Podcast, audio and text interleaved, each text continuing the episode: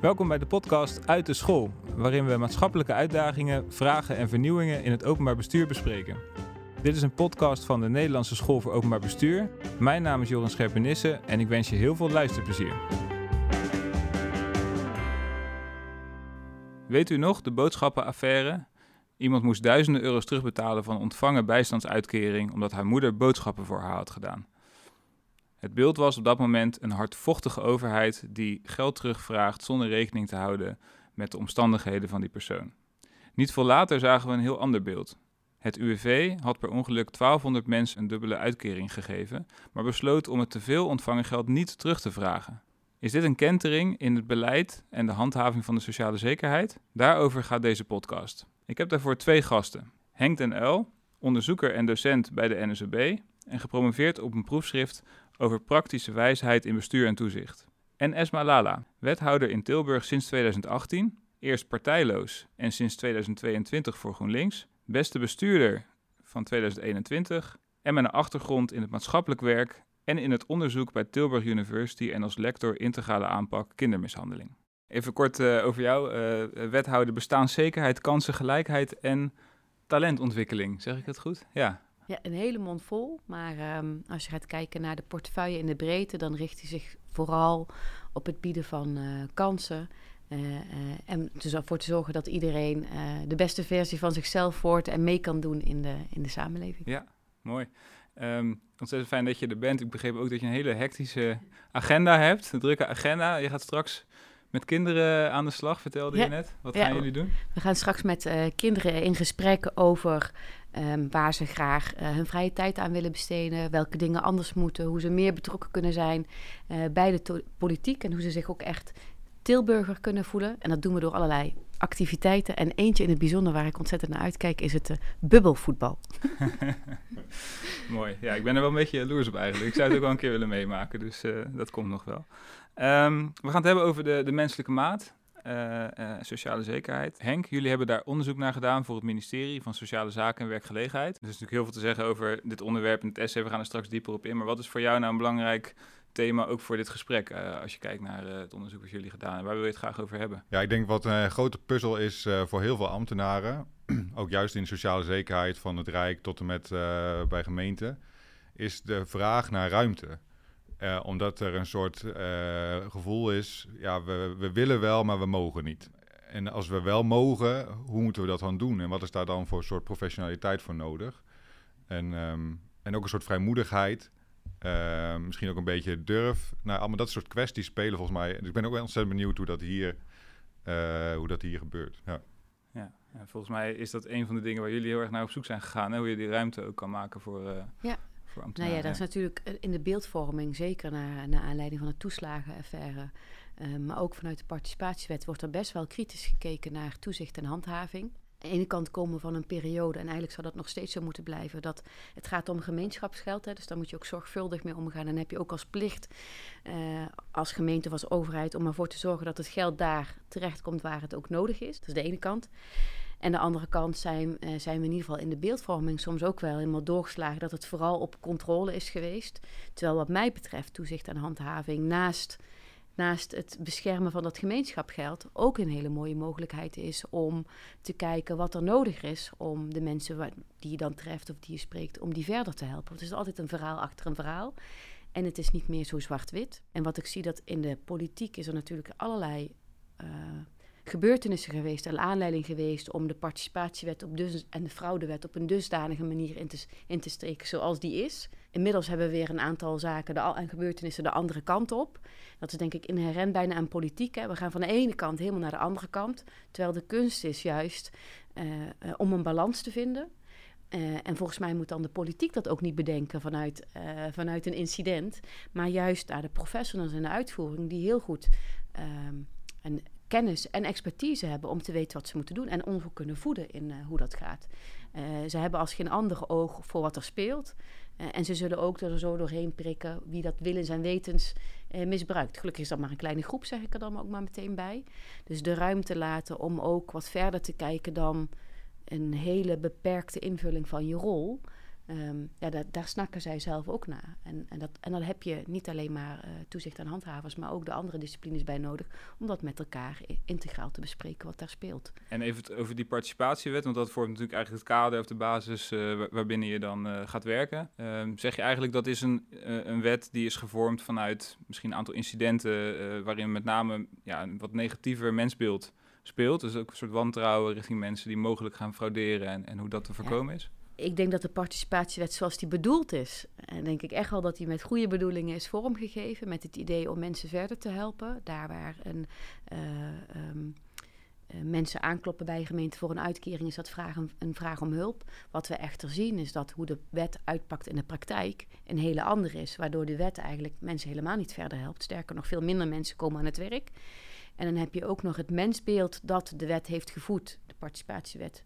Uh, maar ook de fraudewet, ja, dat is wel een hele negatieve. Van uh, ongenuanceerd, uh, dat je mensen eigenlijk zo moeilijk mogelijk moet maken uh, om een uitkering aan te vragen of in de uitkering te blijven. En dat alle vormen, hè, we hebben heel veel regels opgelegd, um, um, heel veel beperkingen. De vraag is of dat nodig is. Of je niet, ik denk van niet. Ik denk dat je vanuit vertrouwen werkt veel meer bereikt. En ik denk dat we wel zijn gevormd door incidenten, door een kleine groep die misschien misbruik maken van de wet. En nogmaals, daar moeten we ook echt wel scherp op zijn. En dan heb ik het over mensen die willens en wetens bewust frauderen en je eigenlijk elke keer proberen te slim af te zijn. Maar laten we vooral niet ons handelen en ons dagelijkse handelen laten leiden door die 5%, maar voor die 95% die wel heel graag stappen zetten. En hoe kunnen we dan helpen? En uh, ja, daar heeft de professional uh, uh, volgens mij bij uitstek kennis en expertise. En die moet ook de ruimte hebben. Maar het wordt niet makkelijk gemaakt, ook niet door de beeldvorming eh, die er is. Ik kom misschien ook wel dat dat woord handhaving, dat is ook een beetje gaan horen bij die yeah. kleine groep, zeg maar, fraude, e-, echte fraudeurs, om het yeah. zo maar even te zeggen. En, um, en dat is als het ware steeds breder geworden en steeds meer mensen geraakt. Maar je zou het ook om kunnen draaien, dat eigenlijk handhaving zou ook kunnen betekenen van uh, degene die eigenlijk onze hulp nodig hebben, maar dat niet krijgen, die moeten op een of andere manier. Dat is ook handhaving. Ja. Maar, maar het zit altijd in de sfeer van de risicomanagement en... Uh, ja, ja en, en daar doet de naam doet daar veel in en de beeldvorming ja. doet daar heel veel in. Ik denk dat de, hè, de medewerkers bij mij bijvoorbeeld bij werk en inkomen, maar dat geldt ook voor de jeugdwet en de WMO. Daar zit natuurlijk ook toezicht en handhaving op. Um, die hebben best wel uh, mailtjes, dan hebben ze het over de tandenborsteltellers. Terwijl ik de casuïstiek echt heb over, nou, ze komen in huis met een vraag of met een bezoek. Um, en ze zien vervolgens zoveel meer wat er speelt, dat dat ook gelegenheid is om vervolgens de verbinding te maken met onze wijkteams en de toegangs. Uh, maar op het moment dat je het noemt fraude en handhaving, zit je natuurlijk in een andere koker dan wanneer je het bijvoorbeeld toezicht en handhaving noemt. Of wanneer je, zoals de Vereniging Nederlandse Gemeentes nu bezig is met dat hoogwaardig handhaven, hoe kunnen we zorgen nou dat, dat dat ook een rol krijgt. Dus op het moment dat uh, iemand iets niet aanvraagt of niet bijkomt omdat uh, de taalvaardigheid heel slecht is, of de Nederlandse taal niet machtig, of onze brieven niet, niet begrijpt, ja, hoe kun je dan uh, helpen? Dat, dat signaleer je vaak pas in een gesprek. Uh, dus daar zie ik ook wel echt wel een, een, een bredere rol. Ja. Ja. ja wat, ik, wat ik zelf had in het onderzoek is eigenlijk een besef van hoe dichtbij de overheid eigenlijk komt op het moment dat je zo'n bijstandsuitkering aanvraagt. Ja. Dat je echt al je kleren uit moet doen. En ehm, ja, ik vond het wel, ik vond het wel heel heftig. Ja. En uh, ik dacht, ja, ik, ik, ik heb in de loop van de jaren al die discussies rondom bijvoorbeeld basisinkomen wel gevolgd. En, jullie hebben het geloof ik over, over basiswerken. Geloof Basisbaan. Basisbaan. Um, maar ik dacht wel, ja, eigenlijk is het echt een goed idee. En ik weet niet of, het, of dat goed uitpakt. Maar al was het alleen maar om die overheid een beetje op afstand te houden van die, van die, uh, van die burgers. Ja, nou ja, en dat vind ik kwalijk. Hè. Ik bedoel, kan, kan me voorstellen dat het Rijk uh, wat meer op afstand van de burger is. Maar de gemeente is bij, hè, bij uitstek een lokale overheid die juist dicht bij de burger staat. Die ook in staat is om te weten wat er nodig is. Um, die op verschillende gelegenheden ook kans krijgt om uh, met de inwoner in uh, contact te treden. Dus ja, ik, ik, zie op het moment dat iemand een uitkering aanvraagt, of heel langdurig in een uitkering zit, is eigenlijk een soort van vindplaats. Dat je dus uit als gemeente ja, ja. kan zeggen van u vraagt een uitkering aan. Uh, nou, wat vervelend, hè? Dus er, er is iets gebeurd in die omstandigheden. hoe gaat het met je? En we, we kunnen helpen. En daar hebben we dus iedere betrokkenen die in zo'n aanvraag een rol speelt. En idealiter is dat zo beperkt mogelijk, hè, want mensen moeten heel vaak hun verhaal uh, vertellen. Maar wel dus je gelegenheid om te laten zien wie je bent als overheid en waar je voor uh, staat. En zo hebben we heel lang niet gekeken uh, naar, ja. naar onze mensen. Ja, dat, dat, dat, dat kennis maken met de ander, hè, dat, dat ja. dichtbij, nabij zijn, dat, ja, dat, dat vertaal ik zelf altijd heel erg als ik nadenk over ja, de brieven die je soms krijgt van de overheid. Deze onleesbaar zijn. Uh, en, en, zeker als je dan in een, in een, lastige positie zit met geldproblemen, met, met andere problemen, dan, ja. dan kan zo'n brief al heel gauw heel erg afschrikwekkend zijn, ja. denk ik. En misschien, ja, op een gegeven moment hebben mensen maken het gewoon niet meer open als het ware. Hè? Om, de, om gewoon, uh, uh, en dan, dan wordt natuurlijk de afstand alleen maar groter. Nou, dus en dat zie je natuurlijk bij uitstek. Zie je dat, ja, het was het, mijn portefeuille is ook iets meter van. Als je het hebt over de participatiewet, daar zit er heel veel regelgeving in. Terminologie is best ingewikkeld. Ik heb me af en toe uh, achter de oren ja. moeten krabben van wat staat hier nou. Dan ben ik nog best wel geordend. Dus op het moment dat je aan het overleven bent, uh, geen inkomen hebt, uh, niet weet waar je het halen moet en misschien wel de schulden zich opstapelen, krijg je een hele ingewikkelde brief waarin je allerlei formulieren moet invullen. Dat is echt verstrekkend. Ik heb, ik heb wel eens gekeken naar van stel nou dat je in zo'n situatie terechtkomt, waar moet je je dan allemaal melden en waar kun je een beroep doen op hulp?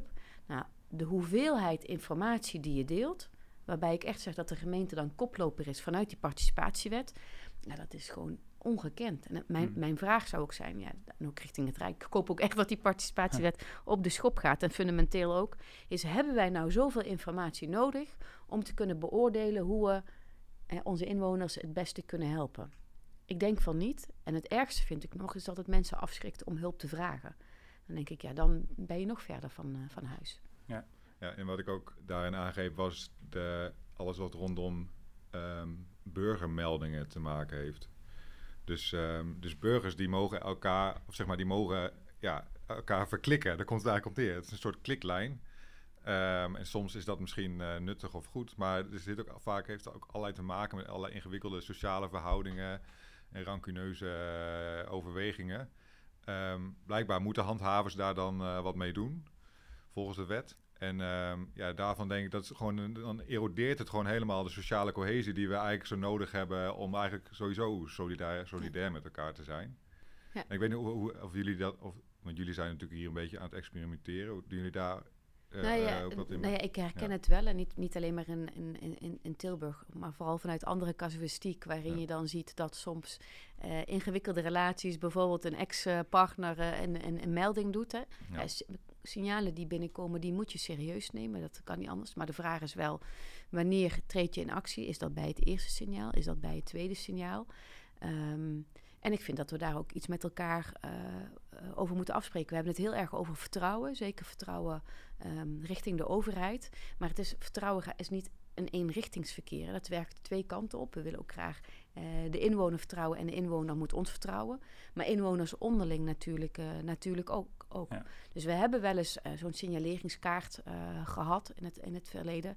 Daar staan nou deze type meldingen niet meer op. Denk ik, ja, als we met elkaar hè, dat vertrouwen. Dus mensen kunnen nog steeds altijd melden. Dat, dat, dat ja. moet ook kunnen. Hè, ook ja. om excessen op te sporen.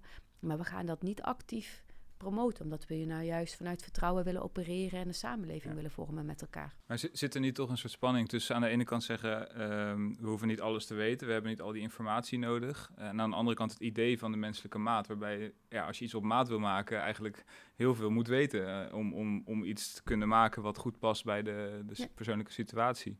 Ja, maar dan, dan vraag je hem vanuit een intrinsieke motivatie. Uh, ik vraag me af op het moment dat ik alle stukken aanlever bij het aanvragen van een bijstandsuitkering. Uh, wat nodig is om te controleren of ik daar recht op heb en wat dan de hoogte van die uitkering is. Of dat nou de informatie is die een professional nodig heeft om mij een volgende stap te kunnen helpen. Okay. Dus ik begrijp wel dat er een deel nodig is. Hè. Nogmaals, het gaat om gemeenschapsgeld, daar moeten we ook zorgvuldig mee omgaan. Ja. Maar misschien niet het type informatie waarvan ik hè, echt geholpen zou zijn. Dan zou ik liever willen dat iemand investeert in wie heb ik nu voor me en wat is, nu, en wat ja. is er nu de afgelopen tijd gebeurd en waar ja, zitten dan drempels? Dan, want, wij, want we hebben ook wel nagedacht over, of, uh, want uiteindelijk dus die lokale overheid is dan in het kader van, is, die voert die participatiewet uit.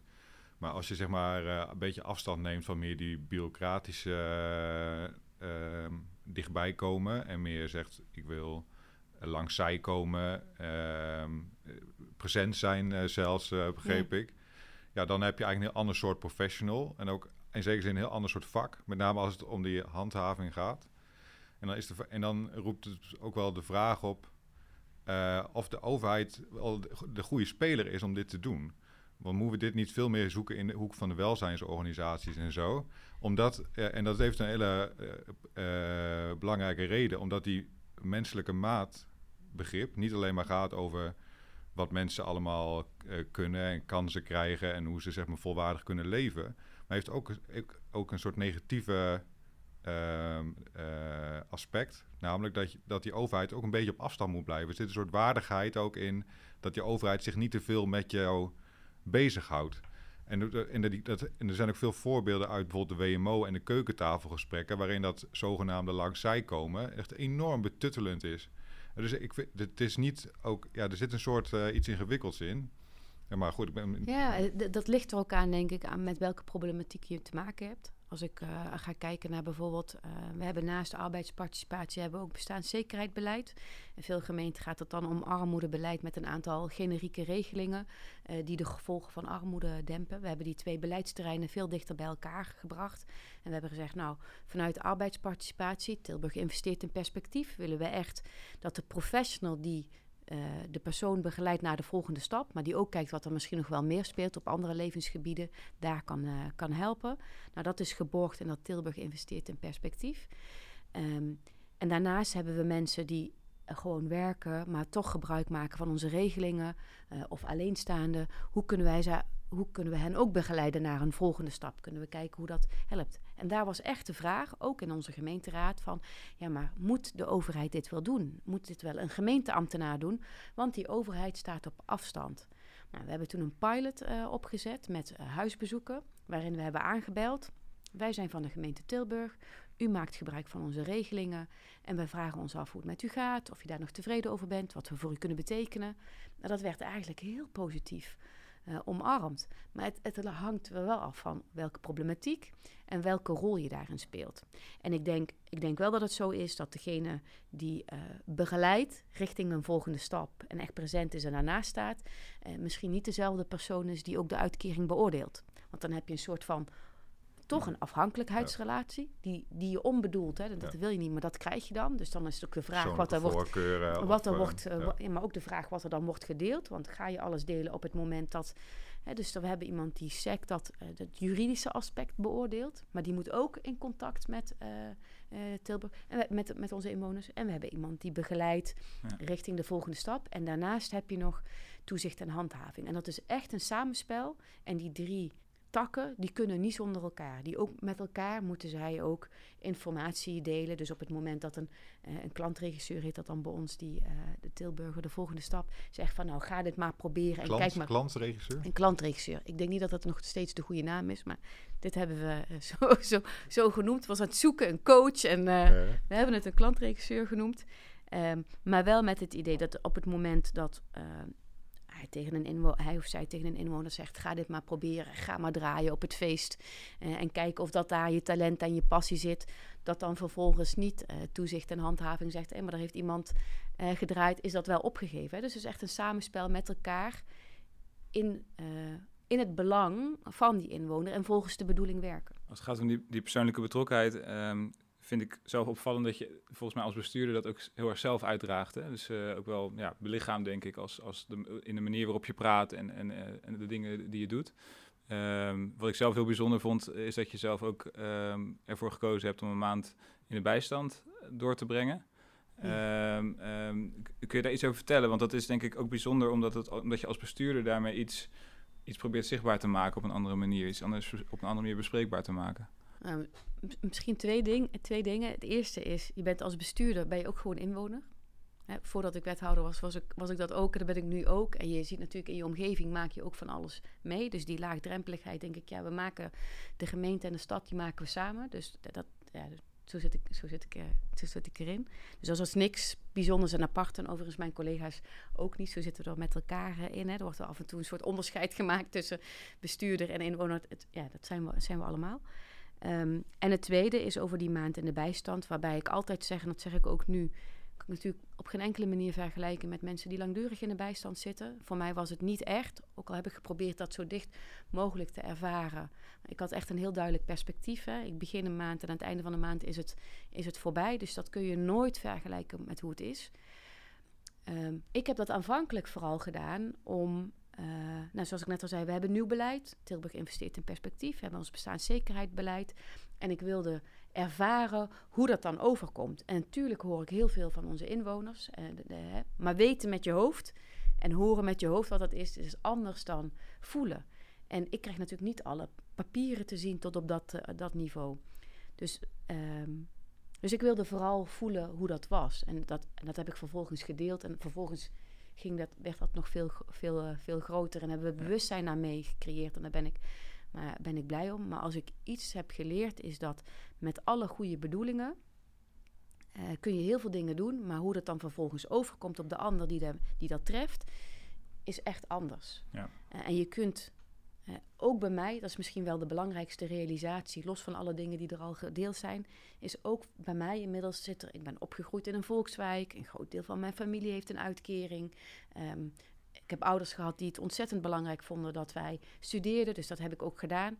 En ik moet tot mijn grote uh, spijt misschien ook wel constateren dat de afstand tot mensen die die elke dag struggelen om rond te komen, ook bij mij heel groot is. En dan noem ik een kort voorbeeld. Um, op het moment dat jullie bij mij nu op bezoek zouden komen, letterlijk nu koffie zouden gaan drinken bij mij thuis, kan ik jullie nog een kopje koffie aanbieden. Uh, maar ik heb geen boodschappen gehaald en ik heb geen koekje bij de koffie. Hm. Ik heb gewoon geen tijd gehad. En mijn, mijn opvatting is, ja, iedereen die bij mij komt, die bij mij in mijn persoonlijke sfeer komt, die komt voor mij. Dus of ik wel of geen koekje, koekje bij de koffie heb, dat maakt niet uit. Dus ik zou daar ook ja. echt niet wakker van liggen. Tegelijkertijd op het moment dat je geen keuze hebt, op het moment dat je de middelen niet hebt om dat koekje bij de koffie of iets anders aan te bieden, roept dat een heel ander gevoel op. Ja. Dus in die maand. Vond ik en dan wordt het een waardigheidskwestie. Ja. ja. Dus, dat, dus er zijn aspecten met alle goede bedoelingen die wij bedenken met elkaar. Uh, vanuit een bepaalde gedachte, die dan toch anders uitpakte. En we willen heel veel informatie weten, ook met alle goede bedoelingen, om de goede dingen te doen vanuit de nabijheid. Maar heeft soms ook het effect dat iemand denkt: ja, maar ik moet heel mijn hebben en houden hier op tafel leggen. En het lijkt alsof ik naakt voor iemand sta. Dus ja, ja daar continu bewust van zijn en dat ook proberen. Ja. Um, en daar open voor te staan. En hoop dat een ander dat ook deelt. Alleen daarvan kunnen we leren.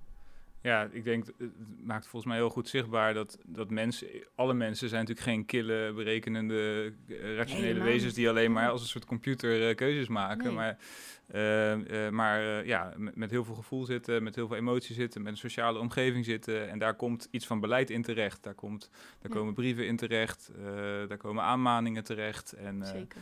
En, en als we geen oog hebben voor, voor hoe mensen dat beleven en in welke situatie mensen zitten, ja. dan nou, zoals je zegt, met alle goede bedoelingen kan het heel verkeerd uitpakken. Ja, ja. Nou ja we zien dat natuurlijk als je het hebt over uh, op het moment dat je informatie aanvraagt hè, vanuit de participatie. En mensen leveren de brieven niet in. En dan stuur je een herinnering en dan stuur je nog een herinnering. En op een gegeven moment zeg je van ja, uh, we, uh, we, stoppen de uitkering. Of nou, er zijn allerlei mogelijkheden die je dan kunt doen.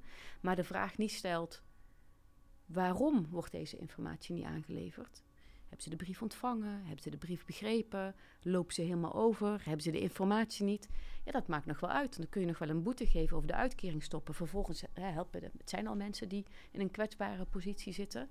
Ja. Uh, dan helpt dat helemaal niet. Dan kun je al die instrumenten toepassen, maar die duwen mensen alleen maar verder. Maar ook daarvoor in. geldt weer dat het uitmaakt of dat een bureaucratische vraag is. Zeker. Want, want, het, probleem, want het is ook heel lastig om naar intenties te vragen van burgers, Zeker. toch? Omdat die, ja, die zijn niet misschien nee. altijd zo eenduidig. Nee, maar je kunt dus, in ieder geval de telefoon oppakken ja. om te vragen of ze de brief ontvangen hebben. Of, of, uh, of ze het begrepen hebben. Of vanuit het netwerk kijken wat er, wat er speelt. Maar dan moet er wel een soort van verbinding zijn. Hè? Een eerste ja. contact. Omdat, uh, en wat, waar het begint is natuurlijk de nieuwsgierigheid. Om te willen onderzoeken waarom iemand dat dan niet, niet doet. Voordat je uh, sancties gaat opleggen of boetes. Ja. Wat uh, een van de centrale spanningen die we in ons essay beschrijven, en dat is ook een beetje de titel tussen staat en menselijke maat, is dat telkens weer die rechtmatigheidseis, zeg maar als het ware stiekem via de achterdeur weer terugkomt. Dus uh, dan willen we ruimte geven, maar op enig moment komt van ja, maar hallo, we kunnen niet zomaar uh, willekeurig geld uitdelen. En we moeten ergens dat verankeren in een of andere wet. En zodra je dat doet, ja, ontstaat ook direct weer de situatie dat, die, dat zo'n wet niet op alle situaties van toepassing is. En zo krijg je een soort dynamiek waarin we steeds die wetten gaan, gaan verder gaan specificeren, omdat telkens weer nieuwe gevallen blijken niet te passen. Ehm, eh, en die wet wordt allemaal groter en het wordt steeds, steeds moeilijker voor burgers om eigenlijk daar een weg in te vinden. Ja. En, ehm, maar die rechtmatigheidseis is natuurlijk wel ook een reële eis.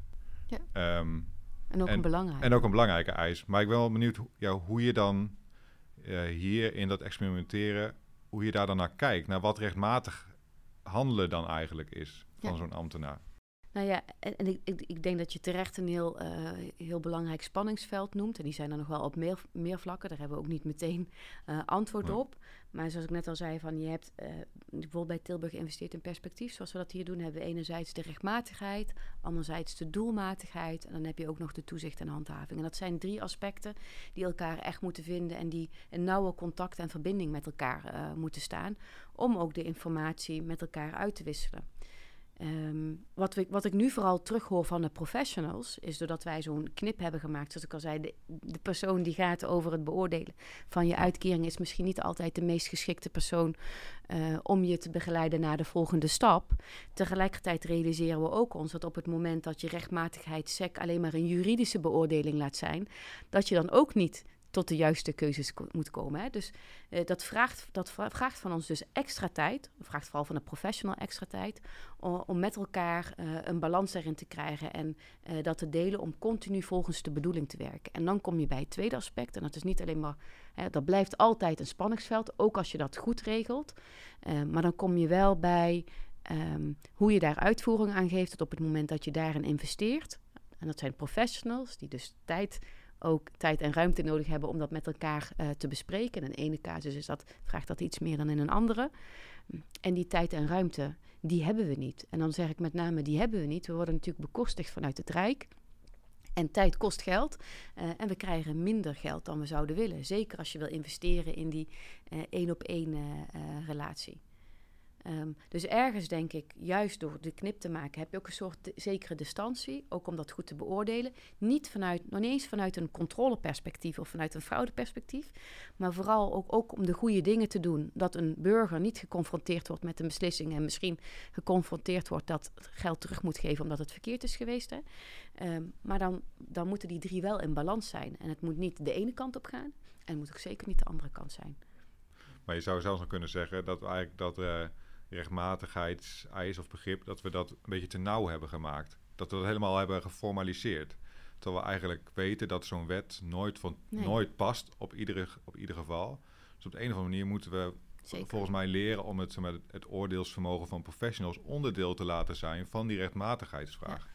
Nou, en niet alleen maar onderdeel, ik zou hem zelfs veel centraler willen stellen. Idealiter is het zo, en het is niet alleen maar, uh, het is, is, zeker in de lokale uh, uh, overheid, maar ook bij Rijksoverheid. Uh, op het moment dat je in een politieke context dingen met elkaar bedenkt. Hè. Nogmaals, ik denk altijd vanuit goede bedoelingen met het idee om een ieder uh, recht, te doen.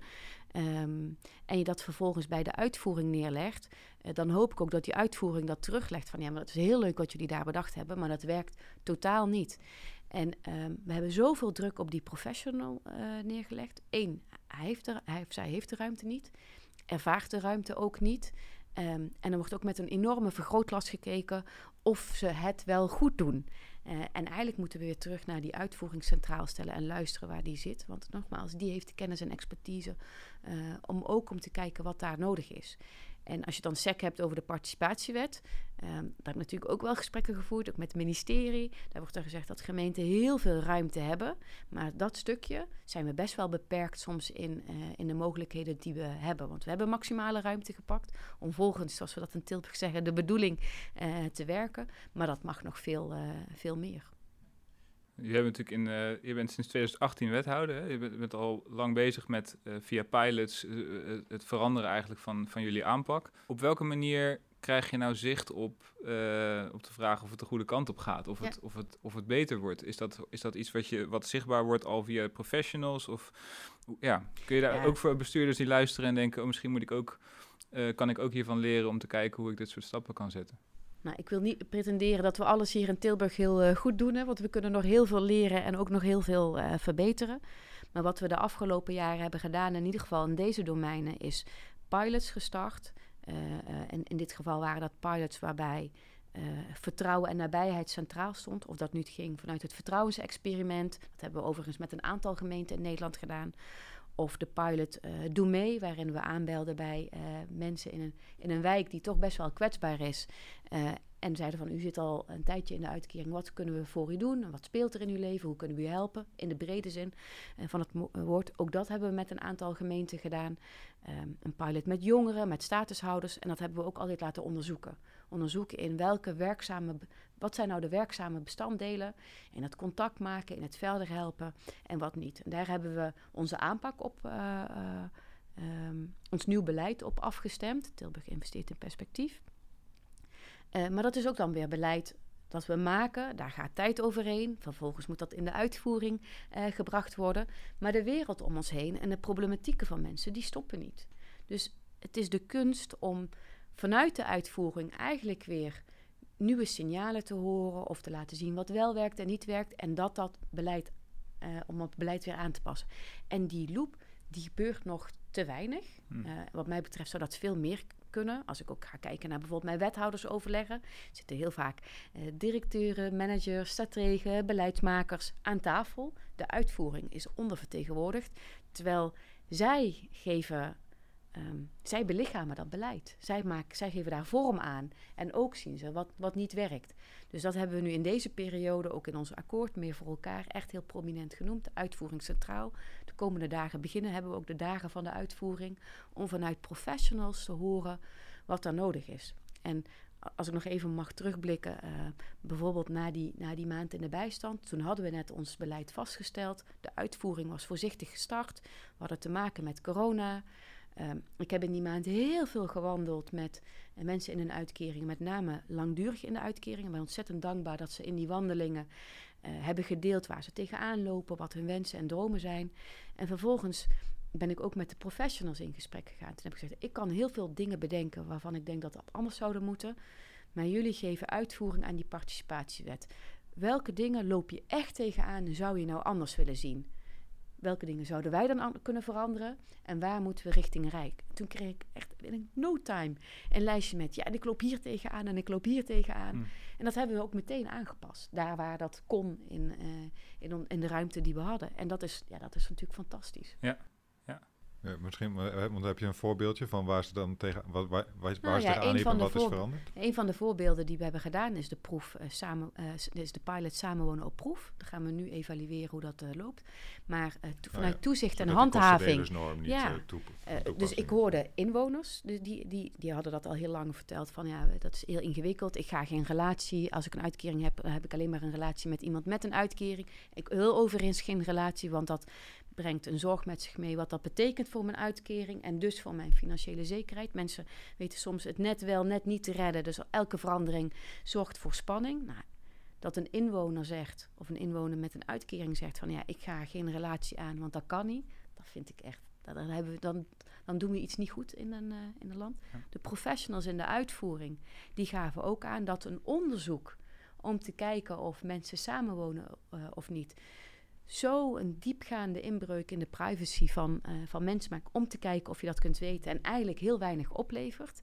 Dat je dat ook anders zou kunnen doen, veel meer vanuit uh, gelijkwaardigheid. Ze hebben gezegd, kunnen, kunnen we dat dan niet anders doen? Kunnen we dan ook niet mensen de rust geven om te kijken wanneer zij een volgende stap in een relatie willen zetten, om eerst eens te experimenteren of dat werkt? Dat doen anderen ook, dus waarom mensen met een uitkering niet? Maar en, en moet je dat dan, want dan ga je dus dat mee proeven. En proeven is natuurlijk een soort uh, idee dat je een beetje buiten de spelregels om kan werken misschien. Maar krijg je dan ook op, een, op enig moment SZW op je dak van ja, maar hallo, wat ben je nu aan het doen? Nou, die heb ik wel. Die, die zijn wel op de lijn gekomen. Mm -hmm. Vooral om te kijken of, dat, uh, of hetgeen wat we hebben gedaan, of dat mag. Ja. Maar het mag. De ruimte heb je gewoon in de wet om dat op deze manier uh, te doen. Eh, dus, dan, dus ik hoop dat meer gemeenten dit ook vooral uh, uh, volgen wat hier gaat gebeuren en dan ook zelf mogelijk maken. En uiteindelijk is het een win-win situatie. Hè. Enerzijds, je doet op een laagdrempelige manier kijken met mensen die de volgende stap kunnen zetten of willen zetten. Daarbij kijk je ook meteen wat dat betekent in hun inkomen op het moment dat ze gaan samenwonen. Je kunt veel breder kijken waar ze hulp bij nodig hebben. je kunt zorgen en stress wegnemen. Nou, we hebben ook te maken met enorm woningtekort dus op het moment dat mensen samenwonen en vanuit de liefde en dat werkt goed, dan hebben we ook weer een woning beschikbaar is. Dus je ziet soms ook de tegengestelde effecten uh, daarvan. Uh, ik ben heel benieuwd hoe het gaat hè, en, en hoe, hoe, hoe dat dan loopt. We hebben gezegd van nou. Dit geldt ook voor de AOW trouwens. Ja, ja. Dus we hebben gezegd van nou, we doen dat een half, een half jaar. En misschien weten mensen nog niet na een half jaar of ze wel echt uh, duurzaam willen samenwonen. Dus dan kunnen we dat nog een keer uh, verlengen. En wat brengt dat op? Maar uiteindelijk gaat het maar niet om samenwonen of niet samenwonen. Het gaat om dat je dingen mogelijk maakt. En dus met professionals in, die, in, deze zin, want die vonden dat ook ingewikkeld, maar ook inwoners meedenkt. We komen aan het, uh, aan het einde van het gesprek, uh, helaas, want... Uh, we zijn nog lang niet klaar. Ja, nee. precies. maar misschien kunnen we proberen om ook voor onze luisteraars te kijken, kunnen we uh, allemaal misschien kijken of we nog één boodschap of inzicht uh, willen benoemen voor onszelf. Kan uit het gesprek zijn of iets waarvan je zegt, dat had ik nog willen zeggen.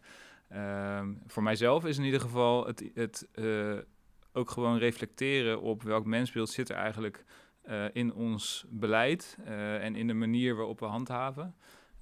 gewoon het, het, feit dat je daarop reflecteert is volgens mij een hele belangrijke. En en daarbij stilstaan. En ongeacht uh, de politieke keuzes, ook hoe je het wil invullen, is denk ik die reflectie alleen al heel belangrijk.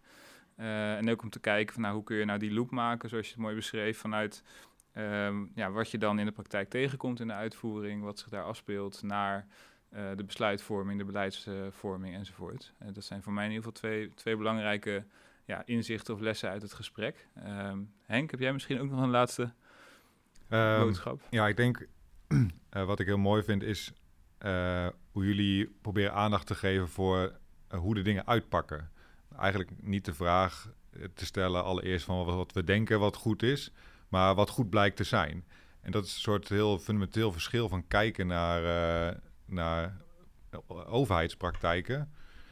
omdat in, die, in, dat, in dat nadenken over hoe we denken dat het goed is, allerlei idealen zitten aan verbonden over participatie en uh, over uh, autonomie en eigen verantwoordelijkheid of afhankelijkheid. Al die grote politieke vragen zitten allemaal in die sfeer van, van hoe we denken wat, dat we goed beleid maken. Maar uiteindelijk moeten we ja, wel die, hoe het uitpakt, daar is eigenlijk de aanknopingspunt uh, zou het moeten zijn om beleid te maken. En die beweging zie ik denk ik bij, bij jou en bij jullie, hoe je daarmee bezig bent. En dat is wel hoopvol, vind ik, voor, voor ons landje. Hoopvol, uh, hoopvol slot. Ja, ja dan moet ik de afsluiter, daar kon ja. ik bijna niks meer aan, uh, aan uh, toevoegen. Want dat zijn wel twee prioriteiten, denk ik. Het mensbeeld is een hele belangrijke. Um, hoe kijk je naar, naar mensen? Maar wat ik vooral zou oproepen, dan doe ik dat ook naar mijn collega's, als dat al niet zo is.